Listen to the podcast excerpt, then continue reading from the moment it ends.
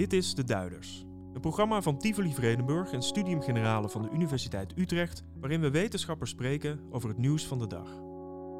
In deze aflevering de moeizame relatie tussen Rusland en het Westen. De afgelopen maanden liep de spanning tussen Rusland, Europa en de VS snel op. Poetin heeft een enorme troepenmacht verzameld aan de grens met Oekraïne en dreigt met oorlog. Wat wil hij?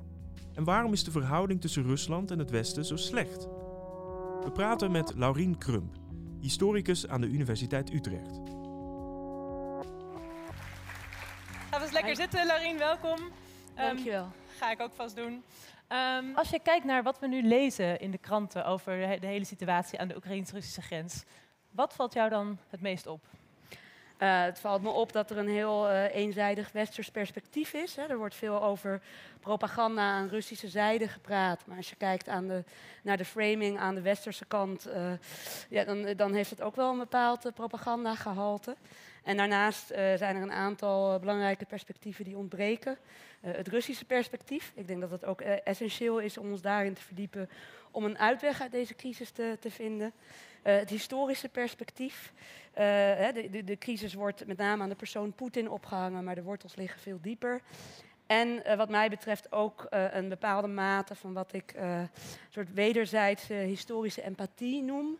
Het vermogen om, en dat hangt samen met de twee dingen die ik net zei, om ook vanuit de andere kant ons in te leven in de beweegredenen van eh, eh, eh, ja, Poetin, zonder meteen als Poetin-versteer, want dat gebeurt heel makkelijk, te worden weggezet. Ja, want nou, laten we dan toch even met, met, met Poetin slash Rusland beginnen. Hè? Jij zegt we moeten ons meer in, in hem slash zijn land verplaatsen. Want als we dat doen, wat zijn land verplaatsen. want als we dat doen, wat, wat, wat zien we dan eigenlijk over zijn motieven? Ja, ik denk, ik denk dat één heel groot motief eh, dat we vaak onder het hoofd, over het hoofd zien, simpelweg angst is. Eh, eh, je moet je voorstellen, tijdens de Tweede Wereldoorlog zijn er 26 miljoen Russen gesneuveld. Dat is een conservatieve schatting. Tijdens de Koude Oorlog was er een voortdurende angst voor eh, West-Duitsland enerzijds met name en China aan de andere kant, met name vanaf de jaren 60. Ja, dus dat ze een soort van ingesloten Ja, zaten eigenlijk. tussen Precies. twee En wat, wat mij opviel in mijn, in mijn archiefonderzoek eh, eh, over onder andere mijn boek over het Warschau-pact, is dat terwijl wij de Koude Oorlog gauw eh, associëren hè, met het soort eh, eh, bipolaire strijd tussen de Verenigde Staten en de Sovjet-Unie, dat de Verenigde Staten op een bepaald niveau wel als redelijk voorspelbaar werden gezien, maar dat de echte angst eh, West-Duitsland betrof en, eh, eh, en vanaf de jaren 60 ook China. En dat was een hele, hele, hele reële angst. Hè? Natuurlijk vanaf Napoleon zijn er westerse troepen richting Rusland opgerukt. En nu zie je dat de NAVO in, wat is het, pak een beet, eh, 25 jaar eh, eh, een paar duizend kilometer is opgerukt. Aan het eind van de Koude Oorlog bevond de NAVO zich ongeveer 1200 kilometer van de Russische grens. En Ja. nu is die vlakbij.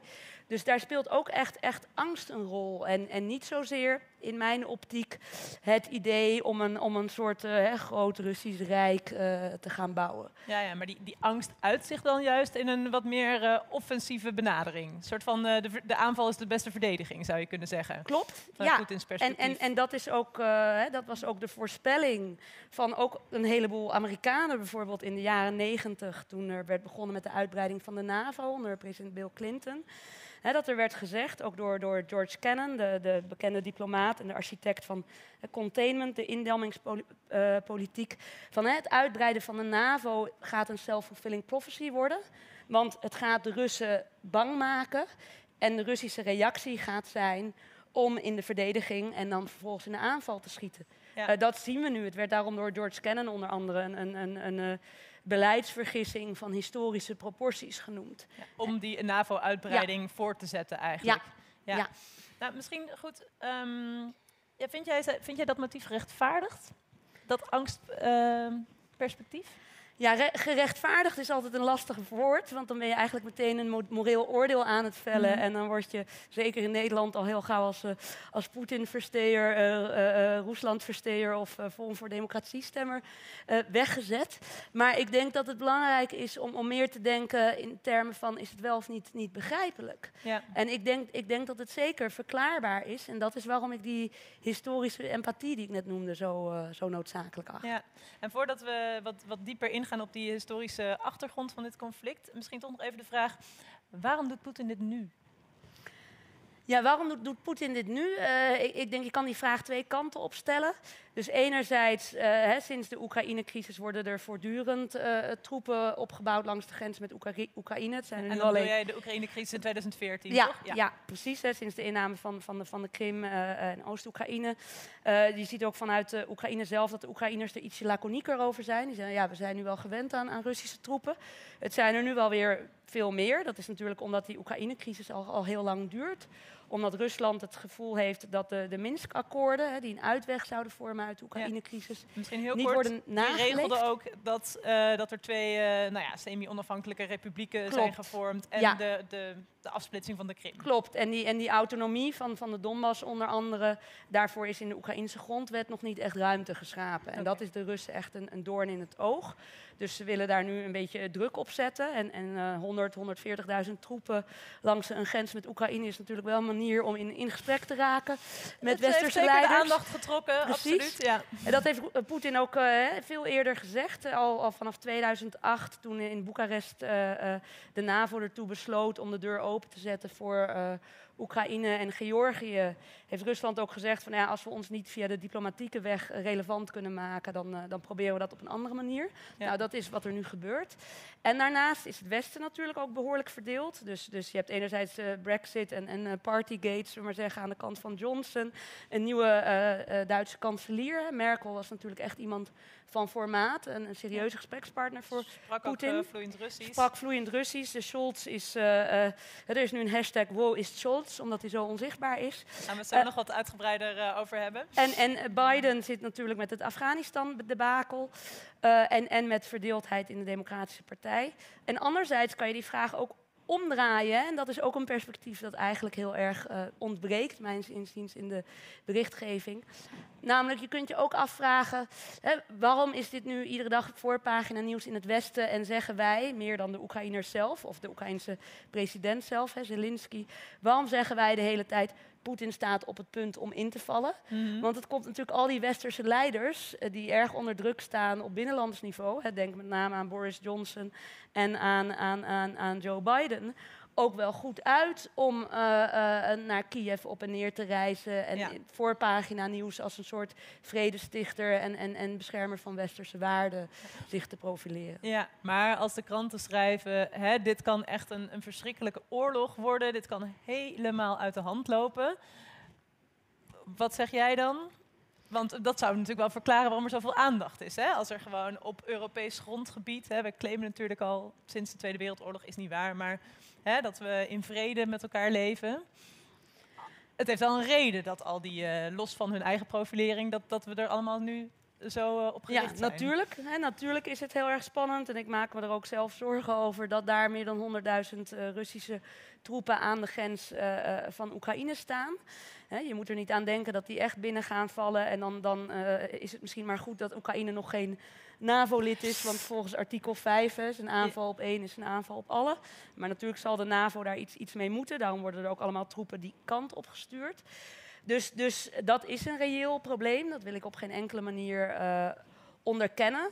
Alleen je kunt je wel afvragen of het zinvol is om olie op het vuur te gooien. Hè, door elke dag te zeggen, Poetin gaat binnenvallen. Ja. Eh, hè, als je een historische analogie trekt... Ik, ik, ik kan, kan er zelfs twee trekken als dat, eh, als dat mag voor jou. Eh, nou, twee dingen. Je ziet in, in de jaren 80, begin jaren 80, had je crisis in Polen... toen de vakbeweging Solidarność eigenlijk machtiger werd dan de, dan de communistische partij. Toen stonden er ook heel veel Russische troepen langs de grens met Polen... en werd er gedacht dat Rusland binnen ging vallen. Mhm. Als je nu die archiefstukken leest, blijkt dat de Russen vanaf het begin hadden bedacht: we willen niet nog een Afghanistan, hè, wat helemaal in 79 eh, al was misgelopen en tien jaar lang mis bleef lopen.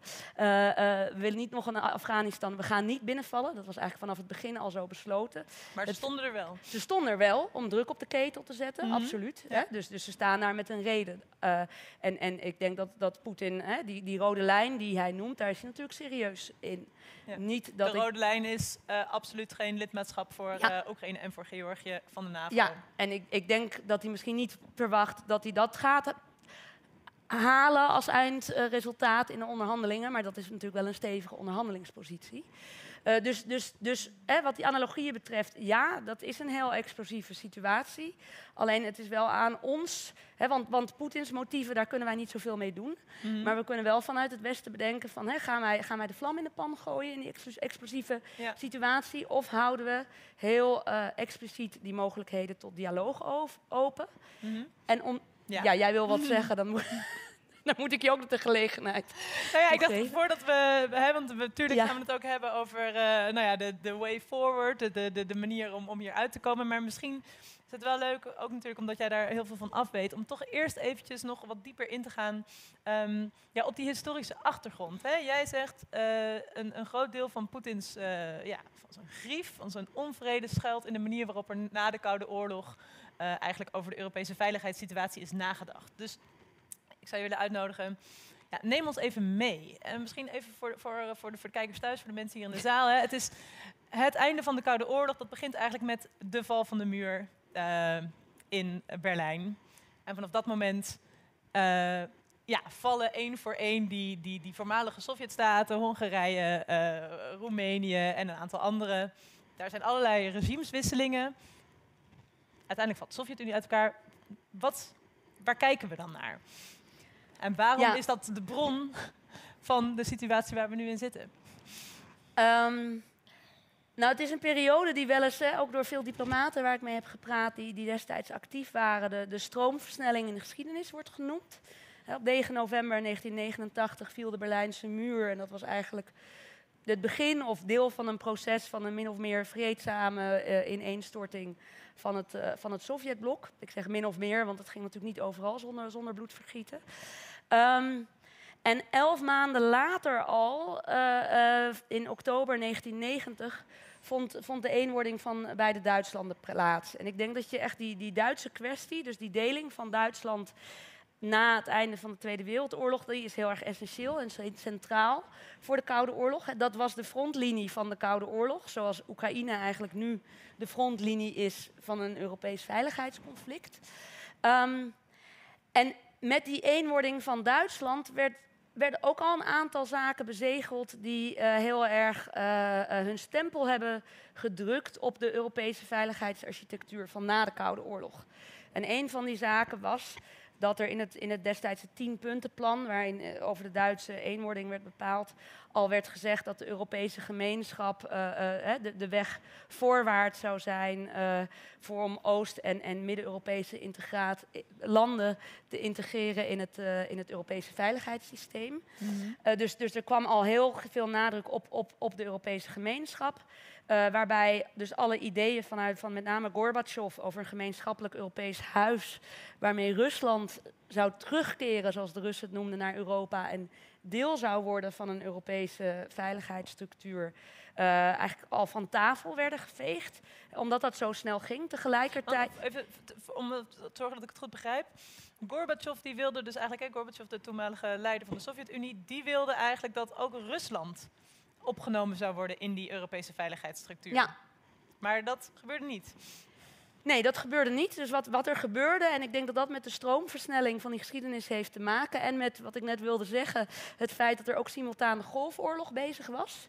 Dus ook, eh, dat wordt vaak vergeten. En Thatcher werd eh, eh, in november 1990 afgezet. Dus ook aan westerse kant eh, hadden veel westerse leiders hun aandacht eh, verdeeld, zullen we maar zeggen. Ehm, maar in die stroomversnelling van, geschiedenis is, van de geschiedenis is eigenlijk voor de, door de, ja, een beetje voor de, voor de makkelijkste weg gekozen. Al is dat met de kennis van nu na- natuurlijk heel makkelijk praten. Hè, maar er is gekozen voor een uitbreiding van reeds bestaande westerse structuren. Namelijk de Europese gemeenschap en de NAVO. Om daarin de Oost- en, en, en Centraal-Europese landen op te nemen. Dat wordt door de bekende Amerikaanse historica Mary Surratt, die er veel over heeft gepubliceerd, wel de prefab eh, eh, structure of solution genoemd. Ah, want En die, lagen, die lagen eigenlijk al Precies, klaar. Net als een soort van- Billy boekenkast en je, je Ja. bouwt er nog een heleboel Billy's aan vast. ja. Eh, dat, dat was een beetje het, het idee. En, en als je in de, ik heb Nederlandse archiefstukken gezien eh, uit eind jaren, jaren 80, die ik via een, een juridisch verzoek zeg maar, heb laten vrijgeven bij het ministerie van Buitenlandse Zaken. En daarin zie je dat er dus heel veel over Centraal- en, Midden- en Oost-Europa wordt nagedacht en heel weinig over Rusland. Dus je hebt enerzijds die stroomversnelling van de geschiedenis, waarbij westerse structuren die eigenlijk zijn gebouwd, geconcipieerd als tegenstander van Rusland, dus die echt uit de Koude Oorlog voortkomen, worden uitgebreid, waarin dus eigenlijk al de facto geen plaats is voor Rusland. En anderzijds zie je een soort uh, ja, westers triomfalisme eigenlijk. hè? Mhm. Dat er aan de westerse zijde uh, George Bush senior uh, uh, een gevoel, een enorme overwinningsroes werd, was. Uh, George Bush senior zei destijds, we won the Cold War and, and they didn't, they can't clutch victory from the jaws of defeat. dus dat zei hij over, over Sovjet eisen of, of vraagstukken om deel te worden van die, van die veiligheidsstructuur. Ja, want het is toch interessant. Hè? Kijk, de Koude Oorlog is natuurlijk, hè, dat had te maken met ook een enorme wapenopbouw, maar die wapens zijn uiteindelijk nooit gebruikt. Dus ik vond het ergens ook interessant dat, je, dat Amerika zichzelf zo duidelijk als die winnaar zag. Want ze, hebben niet, ze zijn niet Rusland binnengevallen. Er stonden geen Amerikaanse tanks in, in, in, in, eh, op, het, uh, op het uh, Rode Plein. Um, maar toch nee. heerste heel erg die, die, die overwinnaars. Klopt. En dat gaat dan meer om een soort morele overwinning. En dat zie je nu ook. Omdat iedere, dus al die andere landen kozen voor een westerse democratie. Het idee van de westerse waarden, de mensenrechten. En, en laat ik wel wezen, ik ben daar ook een groot voorstander van. maar dat, dat, dat neemt niet weg dat er geopolitieke vraagstukken zijn die we niet over het hoofd moeten zien. En die twee worden vaak over één kam geschoren. Uh, maar, maar, dat was dus een soort morele overwinningsroes. En dat zie je nu ook. Hè, dat er naar Rusland wordt gekeken met toch vanuit een soort westers superioriteitsgevoel. En ik, ik, denk dat dat heel schadelijk is voor de, voor de dialoog. Hè. Obama, de, de nou, twee Amerikaanse presidenten geleden, ze maar zeggen, noemde, noemde Rusland destijds een, een regionale macht. Nou, dat is iets wat, uh, wat uh, Poetin echt enorm uit de tent heeft gelokt. Ja, ja. helder. En, en want je zegt het, het, het, elf maanden na de val van de muur werd, werd Duitsland één. Uh, maar daar is wel over gesproken. Van hoe, hoe zou die status van Duitsland dan zijn? En met name de vraag, mochten ze lid worden van de NAVO? Ja, dus als je zegt mochten ze lid worden van de NAVO, dan heb je het over, over Oost-Duitsland natuurlijk. Want dat was natuurlijk wel saillant dat dat uh, een land was, een land dat lid was van het Warschau-pact. En het Warschau-pact is overigens niet in reactie op de NAVO uh, opgericht, zoals vaak wordt gedacht, maar in reactie op de toetreding in 1955 van West-Duitsland tot de NAVO. Ah, Toen werd er aan de Sovjetkant gedacht en ook aan de, de Polen bijvoorbeeld namen daarin ook het voortouw van ja, als West-Duitsland deel wordt van een veiligheidsstructuur, dan moeten wij ook maar iets gaan creëren. Um, dus het is heel saillant dat, dat een van de trouwste uh, Warschau-pact-lidstaten, uh, want, want, de Oost-Duitsers waren vaak nog veel extremer en militanter dan de, dan de Sovjets door die eenwording van Duitsland automatisch uh, lid zou worden uh, van de NAVO. Uh, daar, daar is veel over gesproken. nou, Bush, sorry, Gorbachev, heel iemand anders, excuus. De, de Sovjetleider Mikhail Gorbachev stond destijds ook onder binnenlandse politiek enorm onder druk. Um, maar die hebben uiteindelijk hebben de Russen toegegeven dat, uh, dat Duitsland één moest worden. Ja, daar konden ze ook eigenlijk na de val van de muur uh, weinig tegen doen. Tenzij ze er tanks op hadden afgestuurd. Zoals de Russen wel vaker uh, hebben gedaan. maar ook in mijn optiek in alle gevallen in de Koude Oorlog om hun eigen veiligheid te waarborgen. maar in ieder geval, dus dat was eigenlijk een gepasseerd station. Ze zijn meegegaan in die eenwording van Duitsland. Maar wel met de, de wederzijdse toestemming, althans zo werd dat gepercipieerd vanuit Sovjet-perspectief, dat daar de grens, hè, die rode lijn die Poetin nu in mhm. Oekraïne trekt, dat het idee was dat die tussen Duitsland en Polen zou worden getrokken. Dus dat de NAVO niet verder oostwaarts zou uitbreiden. En, en dat, dat is toen althans vanuit Sovjet-perspectief zo afgesproken met onder andere, maar er waren heel veel meer regeringsleiders die dat hebben gezegd. Uh, de, de uh, uh, Amerikaanse minister van, van Buitenlandse Zaken, Jim Baker, die zei: NATO won't expand an inch eastwards. Nou, intussen is het meer dan duizend kilometer eastwards gegaan. En misschien ook een beetje een brug naar, naar jouw eigen methode als historicus. Waarom is dit punt, want jij streeft dit ook andere, onder andere op in een opiniestuk in NRC in december, hè, want Poetin heeft een punt, er is destijds, dus echt nou, onder andere door, door deze meneer Baker gezegd, de NAVO wordt niet verder uitgebreid. Um, tegelijkertijd zijn er natuurlijk ook veel historici die zeggen, uh, ja, maar we vinden dat nergens terug in een, een, in een specifiek rapport of in een, in een of in notulen. Dus hoe ontstaat nou eigenlijk dat misverstand over wel of niet uitbreiding van de NAVO richting het oosten? Ja, ik- Als, als je daar met je historische blik naar Ja, kijkt. ik, ik denk dat misverstand een beetje een westerse, een westerse interpretatie is. Eh, Russen zouden het anders noemen. Maar hoe dat, hoe hoe dat noemen? hoe dat eh, eh, leugen bijvoorbeeld. Hoe, hoe, dat, hoe, dat, hoe die situatie, laat ik het even zo noemen, is, is ontstaan. Op dat moment bestond het Warschau-pact nog. Dus het was eigenlijk een ondenkbaar scenario. Er, het Warschau-pact is pas in Dat was juli gewoon nog op zijn plek. Dus, juli, in ja. juli 1991 is het Warschau-pact pas ontbonden. Dus, dus eh, het scenario toen was dat, dat een Warschau-pact-lidstaat, namelijk Oost-Duitsland, lid zou worden van de NAVO. En aangezien het Warschau-pact er nog was, was er ook eigenlijk helemaal geen gelegenheid om juridisch formeel in een verdrag vast te leggen. De NAVO gaat niet verder naar het oosten, want daarbij zou het Kremlin meteen al hebben erkend dat het Warschau-pact op instorten Ja. Dus dat kon helemaal niet formeel vast worden gelegd. Dat is niet formeel vastgelegd. Hè, en dat is dus het westerse eh, argument. Van ja, dat staat nergens eh, op schrift. Maar het is wel, hè, en dat staat wel op schrift, namelijk in de archieven, door een heleboel westerse regeringsleiders gezegd. We gaan niet naar het oosten uitbreiden. En dat is een verschillende, laten we zeggen, interpretatie. Dat de Russen zeggen, nou, dit zagen wij als een afspraak. We hebben jullie vertrouwd. De Russen zijn zo vaak, ook tijdens de Tweede Wereldoorlog, maar, maar, maar eh, zijn er afspraken gemaakt met de Russen die niet gehandhaafd werden. Eh, en, en de Russen voelen zich dus enorm eh, in het hemd gezet toen de NAVO steeds verder uitbreidde Ja. tot aan nu hè, de grens met, met Rusland. Ja. En ik denk zelf dat eh, eh, wat een, een, een mijns inziens een waardevolle manier is om dit te interpreteren, eh, is om, eh, of je het nou hebt over een gebroken belofte of niet, dat is een soort, soort taalkundige strijd, daar kom je niet uit. Hè? Want oké, juridisch was het geen belofte, maar moreel was het dat wel. Ja. En we hebben graag als Westen de moral high ground. Nou, die hebben we in dit geval in ieder geval niet. Ehm, alleen wat je wel zou kunnen zeggen, is. Eh, hè, het was een soort, soort gebroken geest van samenwerking. Ik heb in een, in een eh, oral history workshop gewerkt met allerlei diplomaten en En Even ambassadeurs. kort, wat is een oral Ja. history workshop? Ga ik, ga ik zo vertellen. Ik maak even deze zin af en dan, dan hebben we nog een cliffhanger en dan vertel ik wat het was. Eh, ik, ik, ik heb dus met een, met een groep diplomaten en ambassadeurs gewerkt of, of, of gesproken over het einde van de Koude Oorlog, hè, die destijds actief waren. En, en ook over, over eh, die al dan niet gebroken belofte over NAVO-uitbreiding. Wat eigenlijk de consensus daar was, zowel aan Oost- als Westerse zijde en ook aan de neutrale en niet gebonden zijde, die vergeten we vaak, maar bijvoorbeeld de Scandinavische landen, was dus dat er een soort broken spirit of collaboration was. En nu ga ik vertellen wat de Oral History Workshop is en daarna wat een broken spirit of collaboration is, als, als dat kan.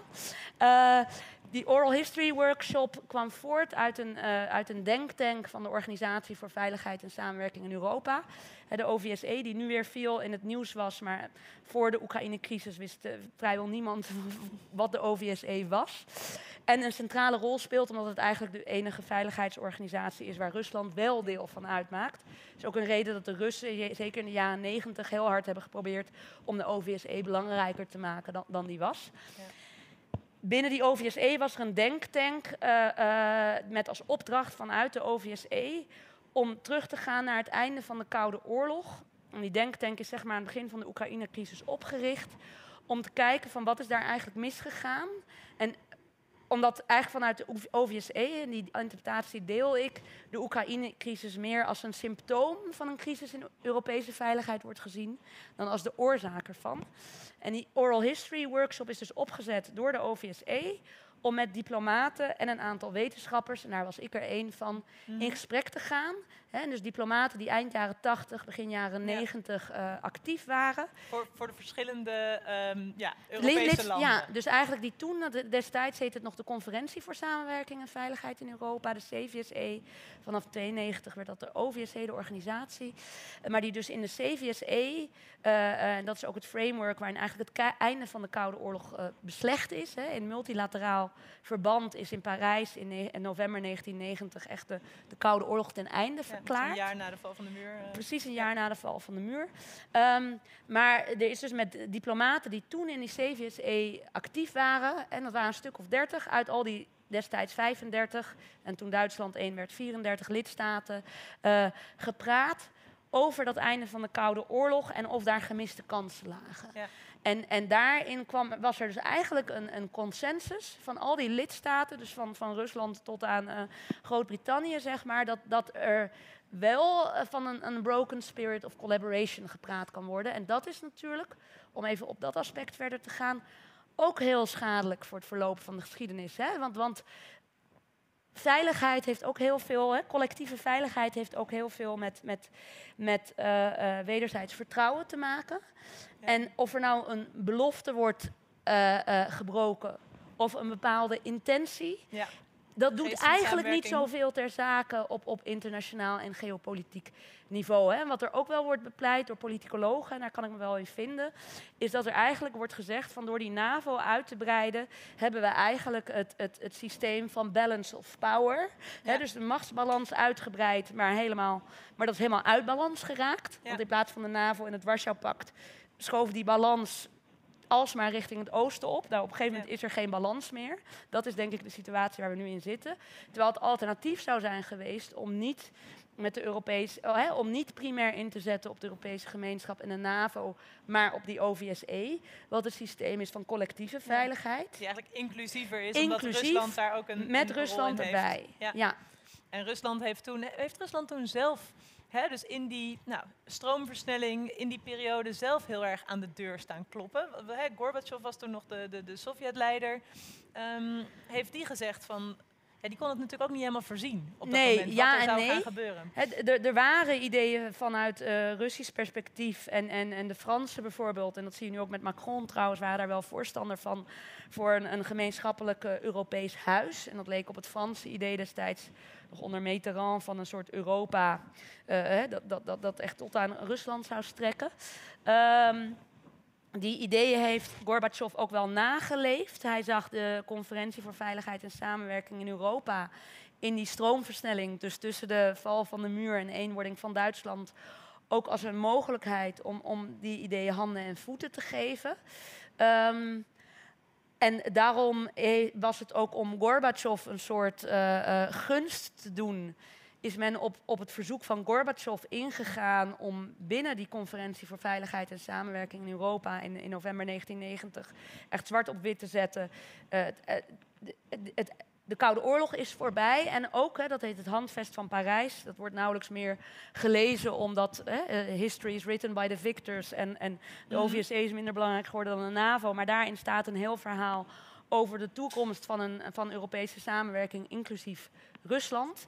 Dus, dus uh, er is ook wel wat, wat zand in Russische ogen gestrooid op dat, op dat uh, uh, gebied. Hè? Want op, op een soort programmatisch niveau leek er een, een idee over een gemeenschappelijke Europese veiligheidsstructuur. Terwijl ondertussen veel van die ideeën ook juist binnen een NAVO-framework bekokstoofd of bekritiseerd werden. Mm -hmm. en aan de andere kant stond Gorbachev toen onder, onder grote binnenlandse druk. Dus, dus hij was er ook niet helemaal bij. En het is nee. gewoon heel snel gegaan. En als ik nog één ding mag zeggen, kan dat over, ja, ja. over, over dat handvest van Parijs. Om een beetje een idee te geven over dat uh, triomfalisme vanuit, vanuit westerse kant.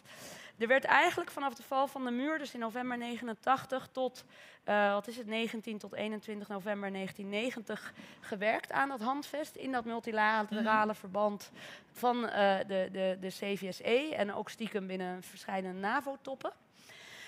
Toen deden beide Duitslanden nog mee als aparte lidstaten. Ja, ja, want ja. Duitsland werd twee weken voor dat handvest van Par Mhm. Parijs, waar de oude Koude. Oorlog ten einde werd verklaard, één. En eh, ik vroeg laatst aan een Nederlandse diplomaat die daarbij actief was, want ik probeer ook zoveel mogelijk eh, ja, diplomaten één op één eh, te interviewen. Mhm. Gelukkig zijn er nog veel van in leven. Die zijn nu in de, in de 80 of 90. Dus ik vroeg aan die diplomaat, hoe ging dat eigenlijk met die Duitse delegatie verder? Want tot no- 9 november waren er twee delegaties, Oost en West. En vanaf 9 november was er één. En, en eh, wat is het, twaalf dagen later werd dat handvest ondertekend.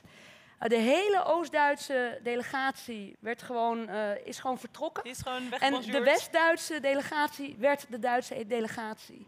En dat zegt dus ook wel iets, hè, dat vind ik heel illustratief, van hoe werd er vanuit het Westen omgegaan uh, hè, met ja. het einde van de Koude Oorlog. Je zou denken, je laat die twee delegaties ja, integreren. Ja, ja, nee, maar de, de Oost-Duitsers moesten twaalf dagen voordat het handvest ondertekend werd, werken vertrekken. aan dat Europese huis, dat idee. Ja. Ja. ja, en dat zegt iets over hè, wat er vervolgens met, met Rusland is, is gebeurd. Ja. En dit zegt misschien ook uh, kort, en dan gaan we verder uh, richting uh, nou ja, de uitweg uit deze crisis en naar jullie vragen natuurlijk. Maar nog heel kort misschien over jouw methodiek. Hè? Want ik hoor, ik doe bronnenonderzoek, ik dien WOP-verzoeken in bij het ministerie van, van Buitenlandse Zaken. je interviewt allerlei ja, ooggetuigen eigenlijk in die periode. Um, hoe zou jij zeggen dat dat jou een andere blik geeft dan uh, nou, ook heel veel opiniemakers in de kranten die uh, nogal meegaan in het frame van Poetin als een uh, agressor, als een onbetrouwbare persoon. Jij, begint eigenlijk te kijken naar wat is er nou daadwerkelijk gezegd. Ja, ik, ik, kijk, ik, ik, ik, denk één, één kwestie die, die, die vrij evident is misschien, maar, maar waarvan het belang toch vaak wordt, wordt onderschat, is, is talenkennis. ik heb bijvoorbeeld Roemeens geleerd en Russisch. Dus ik, ik doe onderzoek in, uh, Oost- en, en, en West-Europese archieven. Dus ik heb in, in Boekarest onderzoek gedaan, in Berlijn, in, in Florence bij de archief van de Europese gemeenschap, in Londen, in Den Haag, uh, nou, noem maar op. Dus, dus uh, daardoor krijg je al die, al die verschillende perspectieven te pakken. En je ziet eigenlijk dat er vrij weinig historici zijn die simultaan onderzoek doen aan, aan de beide kanten van ja, het voormalige ijzeren gordijn. Dus dat, dat geeft je een andere blik. Dat archiefonderzoek betekent ook uh, meerdere verblijven. Gelukkig had ik het meeste onderzoek al voor corona afgerond. Hè, van enkele maanden in die landen. Ik probeer dan ook zoveel mogelijk met, met mensen te gaan praten. Is ook goed op straat of meer uh, gewoon wel mensen die... Uh, nee, allebei. Dus, dus, ik heb ook Roemeens geleerd, los van een talencursus uh, die heel intensief was. Maar ook gewoon door op terrasjes in een dorp... Ik ben altijd in, in dorpjes in the middle of nowhere talen gaan leren... waar je dus zeker weet dat niemand een andere taal spreekt dan ja. Roemeens of Russisch of weet ik veel wat. Eh, door gewoon ook, ook met, met, met, met, met, met die mensen te praten. Je ziet bijvoorbeeld, en ik werk ook voor mijn onderzoek veel met... Hè, dus dat kan ook gewoon een, een serveerster zijn, maar ik werk voor mijn onderzoek natuurlijk ook veel samen. Ook juist met historici uit Oost-Europa. Ik ben nu met een historica uit Roemenië uh, en eentje uit Italië uh, een, een, bundel aan het redigeren. Um, dus ik probeer heel erg in mijn onderzoek al die, al die perspectieven aan elkaar te verbinden. Door dat archiefonderzoek, door met die mensen te praten. Door zo'n oral history workshop met diplomaten van mm. alle, alle kanten van het conflict. En daarnaast heeft ook mijn, uh, mijn onderzoek, wat hieraan vooraf ging, over het Warschau-pact, uh, ertoe geleid uh, dat ik eigenlijk zag dat de kleinere lidstaten in het Warschau-pact veel meer in de, in de melk te brokkelen hadden dan men tot nu toe dacht. Dat de Sovjet-Unie toch een iets andere rol in de Koude Oorlog heeft gespeeld dan tot nu toe werd verondersteld. Mm -hmm. En dat heeft ook geleid tot een, tot een iets andere blik op ja. dit conflict. Helder. Nou, voor mensen die uh, nog denken, zo'n uh, studie geschiedenis, dat is wel iets voor mij, dan is dit ongeveer uh, wat je te wachten staat. Veel talen leren, bronnenonderzoek. Um, misschien ehm, even met het blik op de, op de toekomst. Want er lijkt nu, hè, als we kijken naar de situatie, nu lijkt er een soort van padstelling te, te, te bestaan. Poetin die zegt absoluut geen toetreding van Oekraïne en Georgië tot de NAVO. Ik wil al die militaire oefeningen en die raketten wil ik weg uit die bufferlanden. westerse landen zeggen dat is niet onderhandelbaar. Ja, is er een, ja, is er een, een, een exit-strategie? En hoe zou het, het bouwen van een nieuwe balans, hè, want je zegt die balans is doorgeslagen ten gunste van het Westen, ten gunste van de EU, ten gunste van de NAVO. Hoe, hoe, wat, zou een manier zijn om die, die, die veiligheidssituatie te herzien? En uh, wat, wat, voor concessies misschien moet het Westen dan ook doen, ja, in, in, jouw perspectief, aan uh, de Russen? Ik, er, er, gebeuren al een aantal dingen die, die, die, die me heel voorzichtig optimistisch stemmen. Namelijk dat er op allerlei niveaus uh, gesprekken gaande zijn. in, in Moskou, uh, uh, in, in, in Kiev, in Washington, Berlijn, hè, op allerlei plekken, maar ook gesprekken met de Russen. Er is morgen volgens mij een nieuw gesprek in het, wat, wat het Normandië-formaat wordt genoemd. Dus dat is zonder de Amerikanen, maar met de Russen, de Oekraïners, de Fransen en de Duitsers. Mhm. Om ook te kijken hoe de, hoe de Minsk-akkoorden toch kunnen worden nageleefd. Ik denk dat mhm. dat al een heel belangrijke angel uit dat conflict zou halen als die Minsk-akkoorden worden nageleefd. Ik denk dat de dialoog moet worden gehandhaafd. Dat we niet te veel in, in oorlogsretoriek moeten gaan denken. Omdat wat we moeten voorkomen is dat Poetin op zo'n manier in een hoek wordt geduwd. Dat hij om gezichtsverlies te voorkomen uiteindelijk denkt van, nou ja, weet je wat, we gaan er allemaal aan onder. We, sturen die groepen, er, erom af. Uh, ja. ik, ik denk niet dat dat de Russische uitgangspositie is, of het Russische doel. Maar die troepen zijn er natuurlijk wel. En het gevaar daarvan is, als je zoveel troepen langs zo'n zo'n zo'n fragiel gebied hebt, zo'n conflictgebied. Er hoeft maar ergens iets mis te gaan in de communicatie en je hebt wel oorlog. Dus ik, ik denk dat, dat, dat daar heel voorzichtig moet worden geopereerd. Dat er ook moet worden gedacht van hè, hoe, hoe kunnen eigenlijk alle partijen met zo min mogelijk gezichtsverlies uh, uh, uh, de oorlogsretoriek loslaten, ook wat troepen weer terugtrekken. Dat is natuurlijk wel eerder gebeurd. Um, ik denk dat de Europeanen zich wat onafhankelijker moeten, moeten opstellen van de Amerikanen. Even weer een analogie richting, dat was mijn andere analogie, uh, de Koude Oorlog. in de jaren 80 had je een vergelijkbare situatie na de Sovjet-invasie in Afghanistan in 1979. En de Poolse crisis die ik al noemde in 80, 81. Toen lagen de, de West-Europeanen en de Amerikanen juist heel erg overhoop. De Amerikanen wilden sancties onder Reagan en de West-Europeanen zeiden nee, dialoog inclusie CVSE.